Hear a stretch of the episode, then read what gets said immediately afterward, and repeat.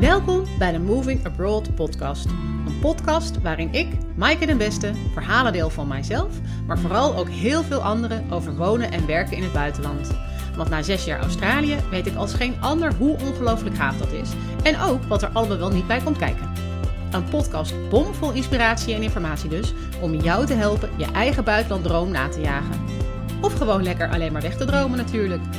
Ik vind het superleuk om te horen wat je van de podcast vindt. Dus heb je genoten van een aflevering of heb je nog vragen? Deel de aflevering dan op social media of stuur me even een berichtje. Je vindt de links in de show notes. En helemaal blij maak je me met een review op Apple Podcast of jouw favoriete podcast app. Dat zorgt er namelijk voor dat hij nog makkelijker gevonden kan worden. Dan nu de aflevering van vandaag. Veel plezier en goede reis.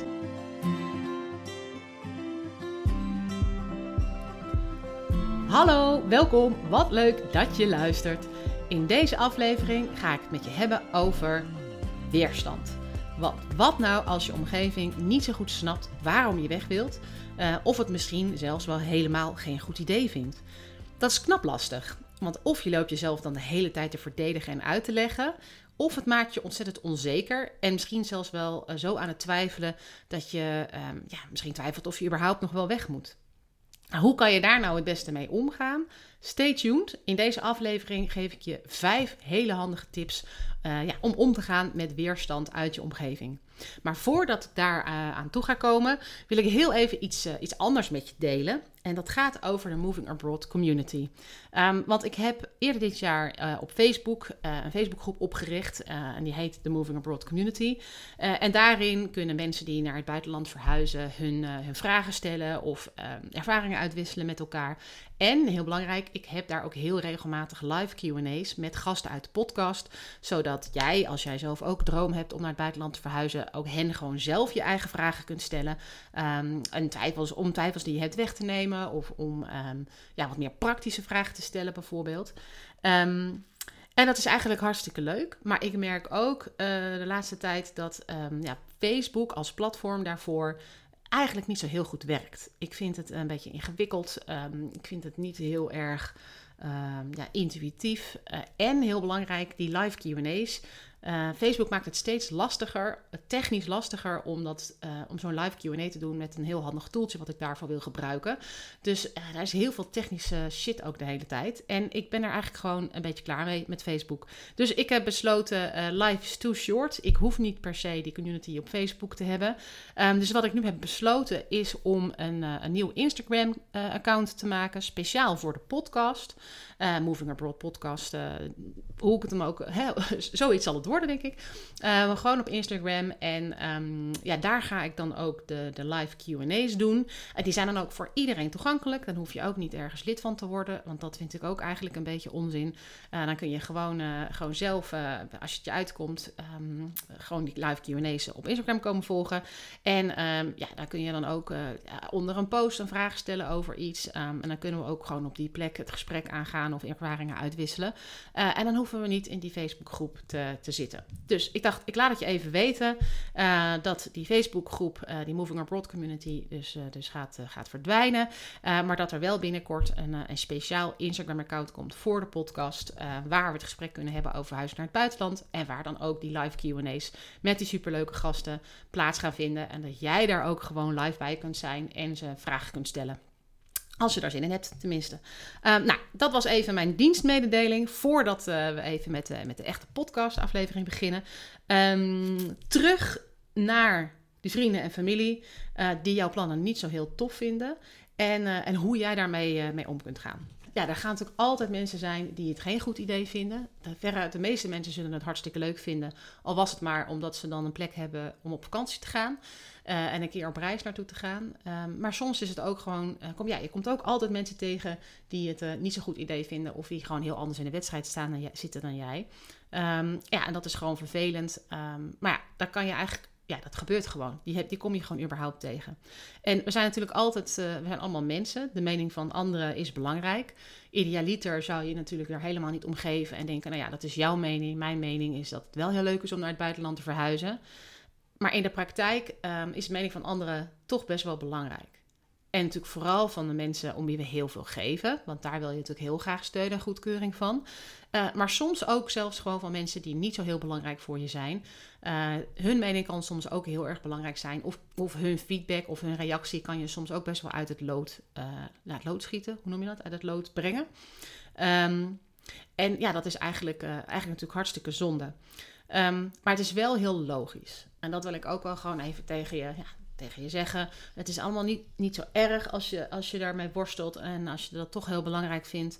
Uh, want het is vooral bij grote stappen, zoals natuurlijk ook verhuizen naar het buitenland, vaak extra belangrijk om wel die steun uh, en die, uh, ja, die hulp van, van je omgeving te krijgen. Um, want als jij, um, ja, het, is, het is niet alleen maar een leuk plan wat je hebt waar je steun voor vraagt, maar het gaat ook heel vaak gewoon over wie jij bent en jouw identiteit. Um, dat is natuurlijk met verhuizen naar het buitenland zegt heel veel. Als, dat je droom is, zegt dat heel veel over wie jij bent en wat je belangrijk vindt. En als je dan, dan uit je omgeving alleen maar weerstand ontvangt, of als mensen het geen goed idee vinden, dan is dat eigenlijk indirect ook uh, dat, ze, ja, dat ze kritiek hebben op wie jij bent en op, wat jij belangrijk vindt. Um, en dat maakt natuurlijk dat, dat als, als je weerstand krijgt uit je omgeving, waarom dat soms zo moeilijk is om ermee te dealen, waarom dat soms zo, uh, ja, zo pijnlijk ook kan zijn. Um, dus ja, die steun is uh, belangrijk uit je omgeving, maar het is niet noodzakelijk. Ook zonder die steun um, ja, kan je met vertrouwen verhuizen naar het buitenland. Eigenlijk voordat ik de eerste tip ga geven, um, is mijn ervaring dat de meeste weerstand uit je omgeving uh, terug te brengen is tot ja, drie typen eigenlijk. je hebt de weerstand die echt gaat over uh, verstandig? Hè? Is het nou een goed idee om naar het buitenland te verhuizen? Uh, is het niet heel risicovol hè? dat je al je geld kwijtraakt of dat je je carrière op het spel zet? Uh, of dat het misschien heel egoïstisch is, want de kinderen uh, die moeten dan weer helemaal, hè, worden uit hun context gerukt en die moeten dan weer allemaal nieuwe vriendjes zien te maken. Uh, dus of het is ja, onverantwoordelijk om, om zo'n groot risico te nemen of financieel risico of wat dan ook. Dus die eerste, die eerste categorie gaat heel erg over ja, dat mensen het niet, dat mensen het ja, onverantwoordelijk vinden of onvolwassen of wat dan ook. Um, de tweede categorie weerstand, dat gaat eigenlijk veel meer over uh, over verdriet. Dus dat mensen het heel erg ingewikkeld vinden dat je weggaat omdat ze je heel erg gaan missen. En ze dat heel erg moeilijk vinden. Um, en de derde categorie is dan, uh, ja, dat, dat gaat eigenlijk meer over dat mensen uh, ja, heel veel angst voor je hebben. En die vinden het gewoon heel spannend. En die zijn bang dat er daar iets met jou gaat gebeuren. En dat je dan op grote afstand zit en dat ze je dan niet kunnen helpen. Of ja, dat, er, dat er gewoon iets, iets, iets ergs gaat gebeuren. Nou, een voorbeeld daarvan uh, is bijvoorbeeld mijn oma. Ja, die vond het echt verschrikkelijk dat ik wegging. Uh, en die was gewoon heel bang dat er uh, in Australië um, ja, iets ergs met mij zou gebeuren. En dat, het, dat ik het niet zou, nou, niet zou redden, bijvoorbeeld alleen. Of dat er iets, iets, dat me iets zou overkomen, misschien ook wel. Of dat ik ongelukkig zou worden. Of um, ja, uh, beroofd. Of ja, ik weet, ik weet het eigenlijk niet. Dat was natuurlijk meer haar angst dan mijne. Uh, maar zij had daar, ja, ze had daar echt uh, heel veel angsten over. En ik vergeet ook nooit, toen ik nog niet zo heel lang in Australië woonde, echt helemaal in het begin, dat zij mij een keertje belde op mijn mobiel. Terwijl ik op weg was naar de supermarkt om de hoek voor mijn avondeten. En uh, nou, dat vertelde ik ook aan de telefoon. Hoi oma, nou, leuk dat u belt. En uh, ik ben net onderweg naar de supermarkt. Ik ga eventjes, weet ik veel, een pizza halen. Uh, en toen sprak zij echt de legendarische woorden. Oh, maar hebben ze daar gewoon supermarkten dan waar jij bent? En ik had me tot op dat moment niet gerealiseerd wat voor beeld zij had bij Australië. Want ja, Sydney is gewoon een miljoenenstad natuurlijk. Dus ja, daar zitten, zijn supermarkten, er zijn auto's, wegen, buitenwijken. Daar is natuurlijk gewoon een heel uh, leven, zeg maar. Het is gewoon een miljoenenstad. Uh, en voor mijn oma, die, uh, ja, die, die had daar eigenlijk helemaal geen, geen beeld bij. Dus voor haar gevoel zat ik in een soort van wilde westen. En dat was natuurlijk ja, heel spannend en heel eng voor haar. Um, dus het was wel het eerste moment dat ik me realiseerde hoe, uh, ja, hoe angstig dat voor haar moest zijn om niet precies te weten hoe mijn leven eruit zag. Of ja, om eigenlijk ervan uit te gaan dat het daar allemaal heel um, ja, uh, primitief was of ja, niet beschaafd of zo op de een of andere manier. Uh, dus dat was wel een, mooi inkijkje ook in hoe mijn oma naar de dingen keek. En hoe, ja, hoe bang zij ook eigenlijk was voor um, ja, wat mij allemaal zou kunnen overkomen daar. Um, dus ja, dat zijn eigenlijk de drie, uh, ja, de belangrijkste reacties. Eén is, hè, het is onverantwoordelijk. Twee is, ik ga je zo missen, dus meer het verdriet. Uh, en drie is gewoon echt de angst over, oh jee, wat, wat kan er allemaal met je gebeuren? En dat lijkt me ook meteen naar de eerste hele belangrijke tip. Um, wees altijd alleen maar verantwoordelijk voor jezelf. Want de mensen die weerstand hebben tegen jouw plan om naar het buitenland te gaan, uh, die weerstand staat altijd voor, uh, ja, voor een emotie of voor een belemmerende overtuiging, voor een angst of voor verdriet of wat dan ook uh, over, over, over jouw reis naar het buitenland, die meer met hen te maken heeft dan met jou als um, iemand het bijvoorbeeld onverantwoord vindt dat je naar het buitenland verhuist, of het heel erg risico, hè, groot risico vindt, omdat je je baan moet opzeggen, of omdat je je huis moet verkopen, of omdat je iets in, hè, weet ik wel, in een bed and breakfast gaat investeren, uh, dan zegt dat heel veel over de behoeften die zij in hun leven hebben, over uh, om veilig te zijn en om um, ja, geen, niet voor onverwachte situaties te komen staan. Um, maar dat, dat is hun leven en hun veiligheidsniveau. En dat is niet, dat hoeft, daar hoef jij natuurlijk niet aan te voldoen. Jij bent verantwoordelijk voor je eigen keuzes in het leven. Dus dat zegt heel vaak meer over, over hun, hoe zij in het leven staan en wat voor hen belangrijk is en wat zij fijn vinden, dan over jou. Um, en hetzelfde natuurlijk met angst of met verdriet over uh, iemand die weggaat. Uh, dat, die, dat verdriet wat iemand kan hebben over dat ze jou gaan missen, uh, dat is hun verdriet. Jij kunt het niet voor ze oplossen. Je kunt er natuurlijk wel uh, begrip voor hebben en respect voor en, en ook wel dat erkennen. Maar jij kunt nooit dat verdriet van iemand wegnemen. En dat, dat hoeft ook niet, want dat is jouw taak niet. Jij bent, ja, wij zijn in ons leven, in het leven ben je verantwoordelijk voor het dealen met je eigen emoties. En om daar op een hele volwassen, uh, goede manier mee om te gaan. Maar je bent niet verantwoordelijk voor het oplossen en dealen van de emoties van andere mensen. Ik vond het verschrikkelijk dat mijn oma zo uh, angstig was over het feit dat ik in Australië woonde. Dat heeft haar echt heel veel, dat heeft haar veel verdriet gedaan, maar het heeft ook heel, ja, heel angstig gemaakt. En ja, ik vond dat natuurlijk verschrikkelijk. Maar ik kan het niet voor haar oplossen. Uh, de enige manier waarop ik had, haar angst had kunnen wegnemen over mijn leven in Australië, was door weer terug naar Nederland te verhuizen. En dat, kan ik, dat kon ik niet, want dat wilde ik niet. Want ik wilde heel graag, in, dat was belangrijk voor mij. Ik wilde in Australië wonen. Dat, dat was, als ik terug naar Nederland was gegaan, dan had ik moeten dealen met een enorme teleurstelling dat ik mijn droom had opgegeven. Um, dus hoe lullig ik het ook voor mijn oma vond dat zij daar zo verdrietig over was en dat ze het zo eng vond, was dat, heb ik dat wel echt, die emotie, bij haar gelaten om mee te dealen.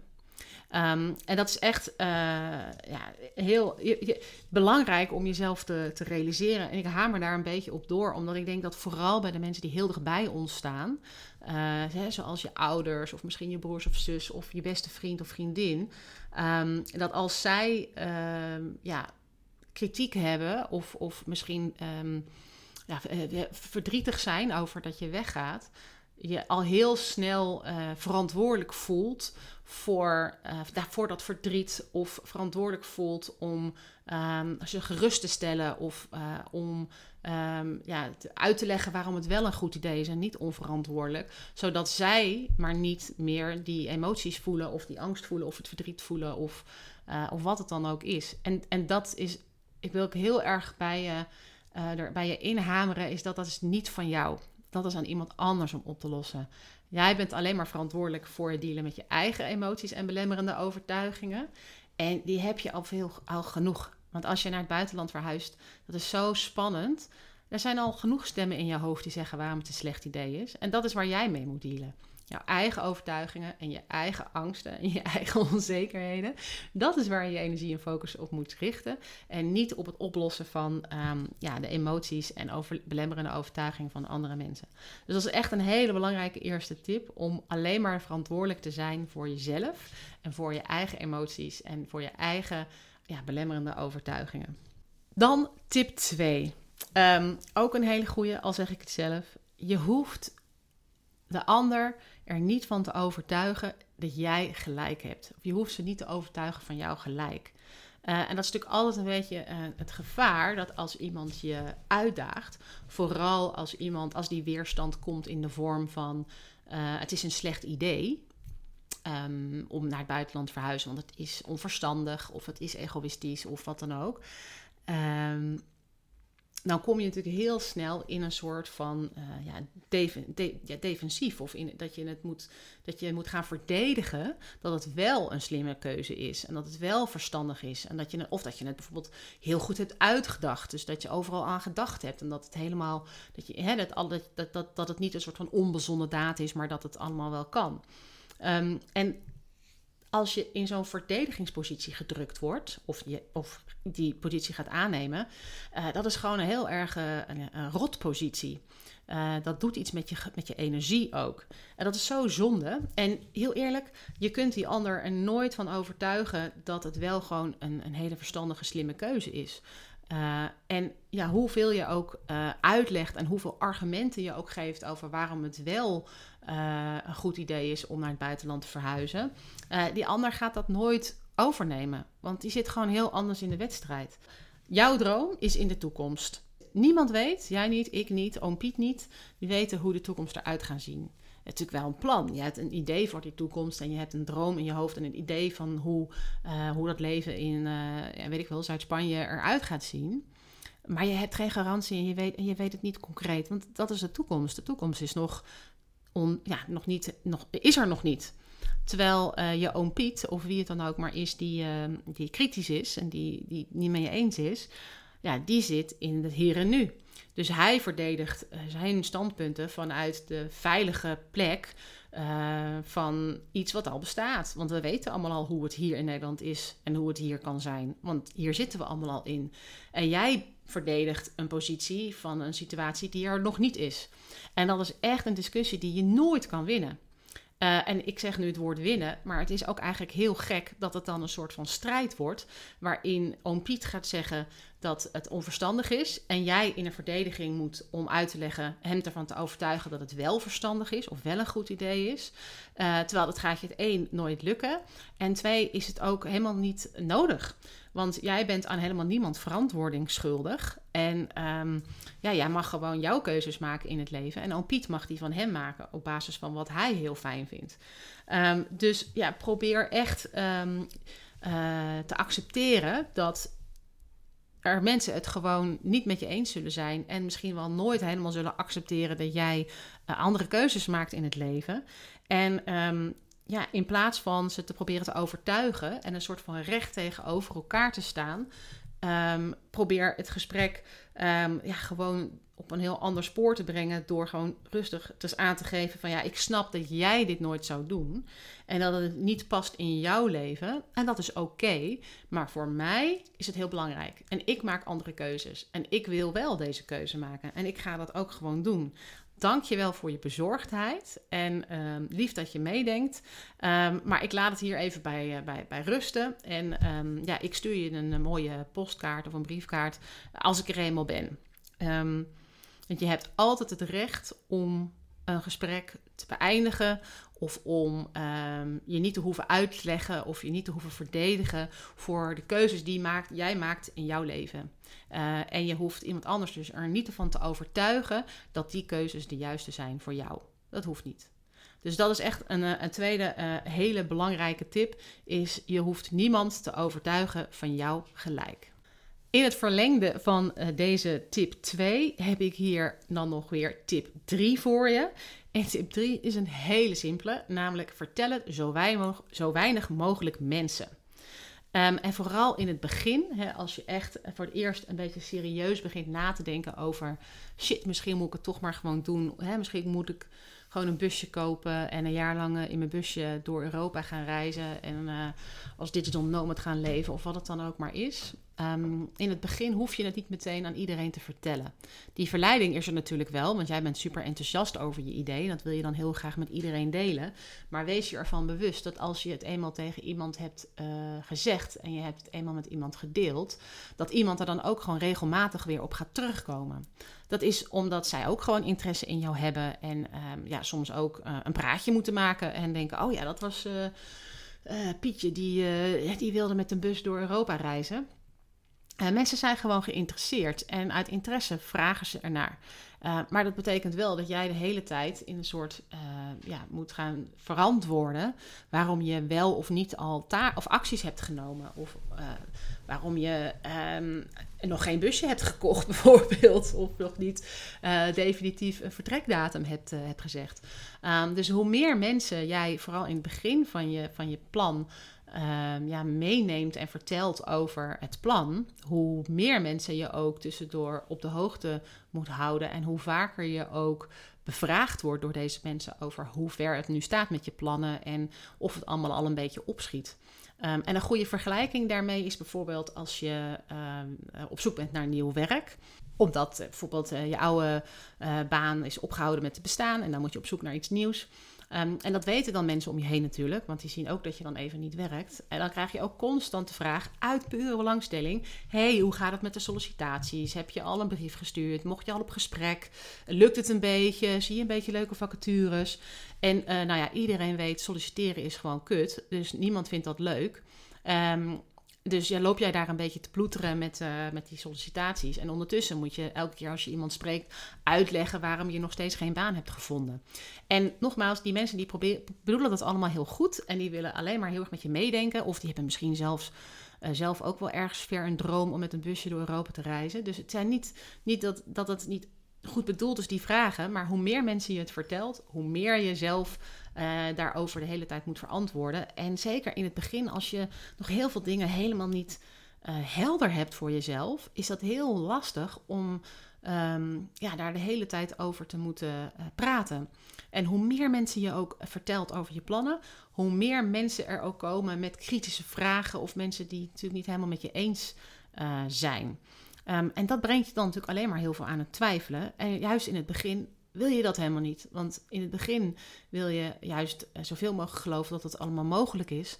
Uh, want dan ga je stappen zetten om echt te onderzoeken hoe je het kunt gaan doen. Um, dus mijn tip, echt een belangrijke tip 3 is: uh, ga gewoon zo weinig mogelijk mensen vertellen wat je plan is. en kies bijvoorbeeld twee of drie mensen uit die je heel goed kent of die je vertrouwt of waarvan je denkt, nou, die snapt mijn droom. En totdat je het allemaal veel concreter en helderder hebt, hou het gewoon bij dat hele kleine clubje. En um, vertel het uh, de rest van de groegemeente uh, als, je, als je het allemaal wat veel concreter hebt. En uh, ja, misschien al een datum hebt of als al een beslissing hebt genomen om ook echt weg te gaan.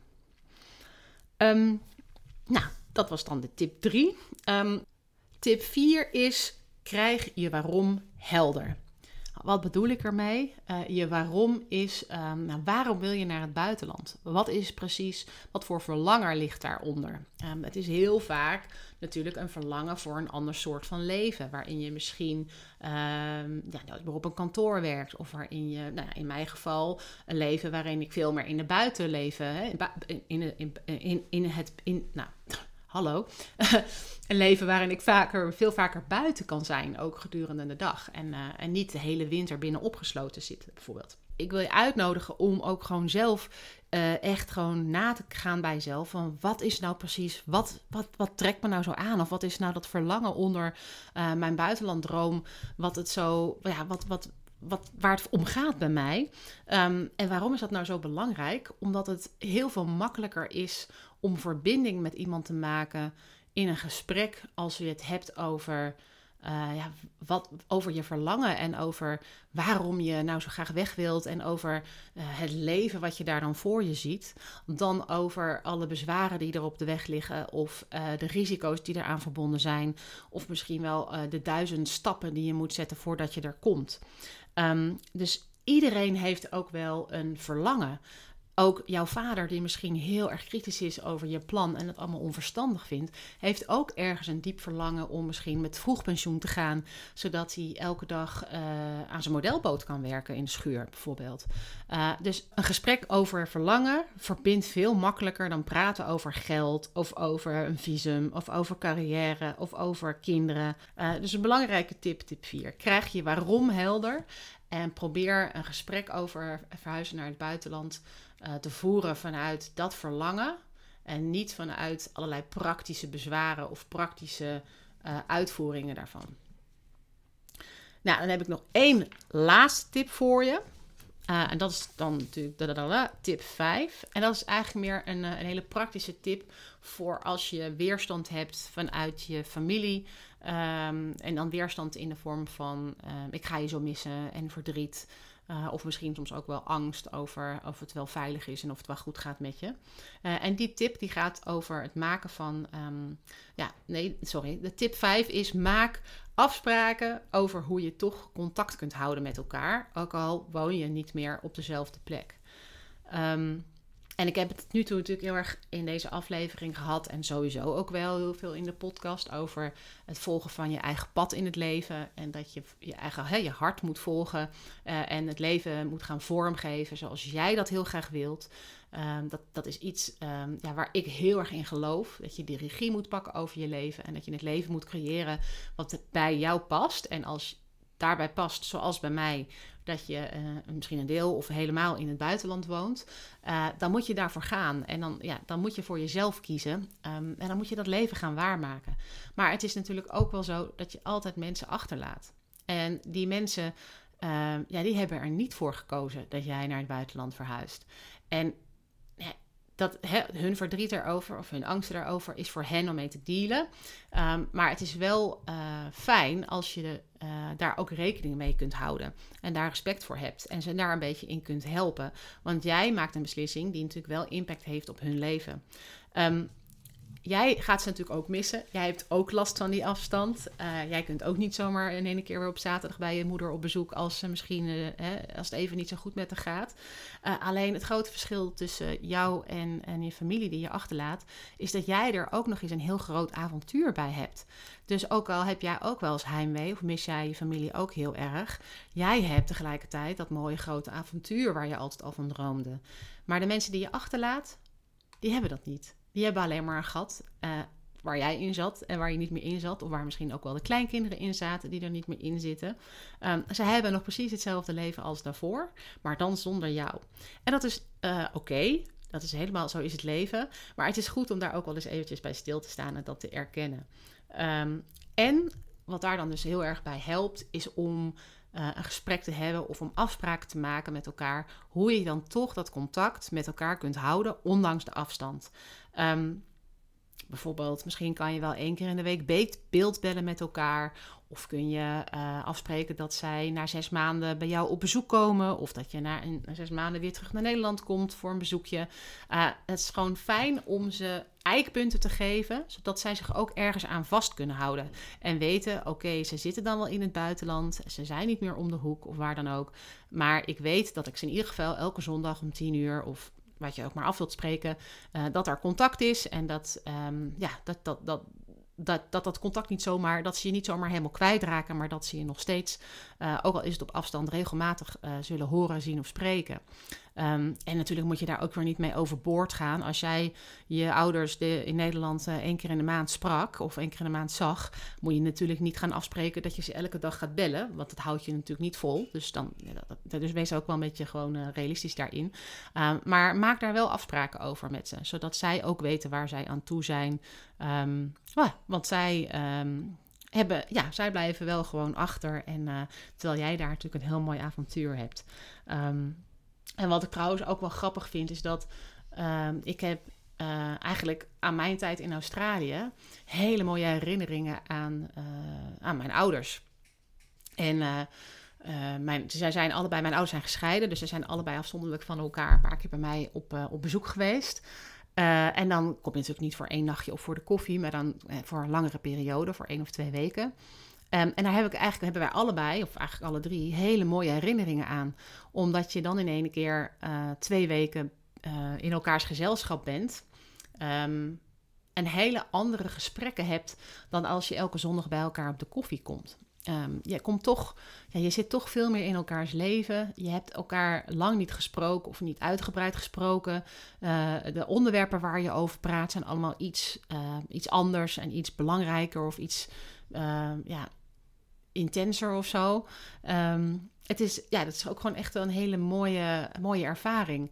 En het grappige is dat een van de dingen die ik heel erg miste toen ik in Australië woonde, was om zomaar spontaan mijn moeder te kunnen bellen of eventjes op de koffie te kunnen komen.